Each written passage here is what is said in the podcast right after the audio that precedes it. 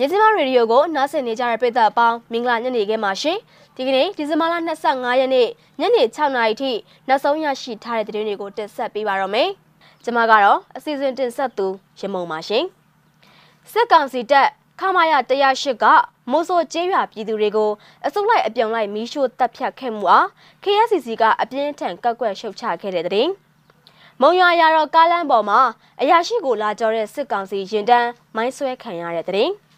လောင်းလုံးမြို့နယ်မှာစစ်ကောင်စီတပ်ဖွဲ့ပစ်ခတ်ခဲ့တဲ့အတွက်လူငယ်တအုပ်သေဆုံးခဲ့တဲ့တဲ့တွေအပါအဝင်တခြားစိတ်ဝင်စားဖွယ်ကောင်းတဲ့တဲ့တွေကိုတင်ဆက်ပေးပါရမယ်။ဦးဆောင်တဲ့တဲ့ပုံအနေနဲ့ကရင်ပြည်နယ်ဖရူဆိုမြို့နယ်အနောက်ဘက်ခြမ်းမှာရှိတဲ့မိုးဆိုကျေးရွာအနီးကို စစ်စင်ရေးပြုလုပ်လာခဲ့တဲ့အကြမ်းဖက်စစ်ကောင်စီရဲ့တပ်မ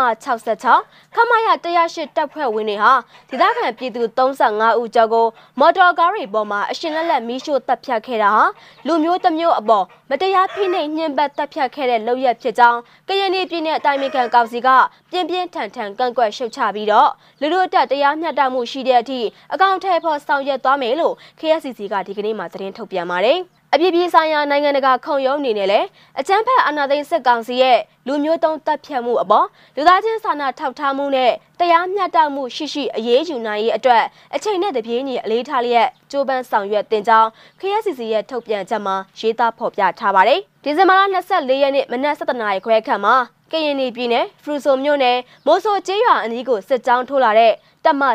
66ခမရ180ကျောင်းနဲ့ကရင်ပြည်တပ်မတော် KA ကရင်ပြည်အမျိုးသားများကာကွယ်ရေးတပ်ဖွဲ့ KNDF ကျောင်းမှာတိုက်ပွဲတွေဖြစ်ပွားခဲ့တာဖြစ်ပြီးတော့စစ်ပေးရှောင်ရတဲ့ဒေသခံ35ဦးကျော်ကိုစစ်ကောင်စီတပ်ဖွဲ့ကအရှင်လက်လက်မီးရှို့တပ်ဖြတ်ခဲ့တာပါစစ်ကောင်စီရဲ့မီးရှို့တပ်ဖြတ်မှုကြောင့်ကလေးတငယ်များအပါအဝင်ဒေသခံ35ဦးကျော်တေဆုံးခဲ့တဲ့အပြင်ကားနဲ့ဆိုင်ကယ်၁၁စီးလဲမီးလောင်ပျက်စီးခဲ့ပါသေးတယ် အဲ့ဒီရွာသားတွေကိုဖမ်းဆီးသွားတဲ့လုပ်ရက်အပေါ်ဝင်ရောက်တားမြစ်ခဲ့တဲ့နေချာဆောင်တပ်ရေးတထောင်လေးကတပ်ဖွဲ့ဝင်၄ဦးကိုလည်းကြုတ်တုတ်ဖမ်းဆီးပြီးတော့ဦးကောင်းကိုတနက်နဲ့ပြစ်ခွဲတပ်ဖြတ်ခဲ့ကြောင်း KSCC ရဲ့ထုတ်ပြန်ချက်မှာပါရှိပါတယ်။ကရင်ပြည်နယ်အတွင်းမှာမေလ20ရက်နေ့ကနေစတင်ပြီးတော့နေ့စဉ်ရက်ဆက်တိုက်ပွဲတွေဖြစ်ပွားမှုကြောင့်ပြည်내လူဦးရေရဲ့ထောက်ဝက်ခန့်ဖြစ်တဲ့ပြည်သူ3,500ကျော်ခန့်ဟာစစ်ပေးရှောင်နေရကြောင်းနဲ့စစ်ကောင်စီကလက်နက်အမြောက်အများနဲ့ပြစ်ခတ်ဖျက်ဆီးမှုကြောင့် နေအဆောက်အုံ652လုံးကျော်ဆုံးရှုံးပျက်စီးခဲ့ပြီးဖြစ်ကြောင်းကရင်ပြည်နယ်အတိုင်းအမြကန်ကောင်စီ KSCC က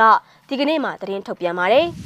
။မုံရွာအရာတော်ကားလမ်းပေါ်မှာအရာရှိကိုလာကြော်တဲ့စစ်ကောင်စီရင်တန်းမိုင်းဆွဲခံလိုက်ရပါတယ်။စကိုင်းတိုင်းအရာတော်မြို့နယ်မုံရွာအရာတော်ကားလမ်းအမထ369တက်ဒေသခေါ် တစ်ချင်းကြီးတက်ထွက်နေရမှာအရာရှိကိုကြိုးဖို့အတွက်စောင့်နေတဲ့ကား၃စီးကိုဒီဇင်ဘာလ24ရက်နေ့မနက်9:00နာရီအချိန်ခန့်မှာရှစ်ထွက်မိုင်းခွဲပြီးတော့တိုက်ခိုက်ခဲ့ကြောင်းတပြည့်ညို့ပြောက်ကြားတပ်ဖွဲ့ကပြောကြားခဲ့ပါတယ်။369တက်ကိုအရာရှိလာချိန်တာပါအင်အား25လောက်ပါမယ်။ရောက်လာပြီးတော့လမ်းဆောင်ကနေလာသမျှကားတွေဆိုင်ကယ်တွေကိုတားဆစ်ကြတယ်။ပြီးတော့အရာတော်ဘက်ကနေပွိုင်ကား2စီးရောက်လာတယ်။အင်အားကလည်း20လောက်ရှိမယ်။ကားရက်ပြီးတော့အောက်ကိုဆင်းလာကြတော့ သူတို့ကားရက်တာကကျွန်တော်တို့မိုင်းကွင်းတက်တဲ့ဘက်ကိုရက်တာအဲ့တော့အောက်ဆင်းတဲ့အချိန်ဖောက်ခွဲလိုက်တော့တော်တော်အထိနာသွားတယ်လို့တပြင်းညို့ပြောက်ကြားတပ်ဖွဲ့ဝင်တအုပ်ကပြောကြားခဲ့တာပါ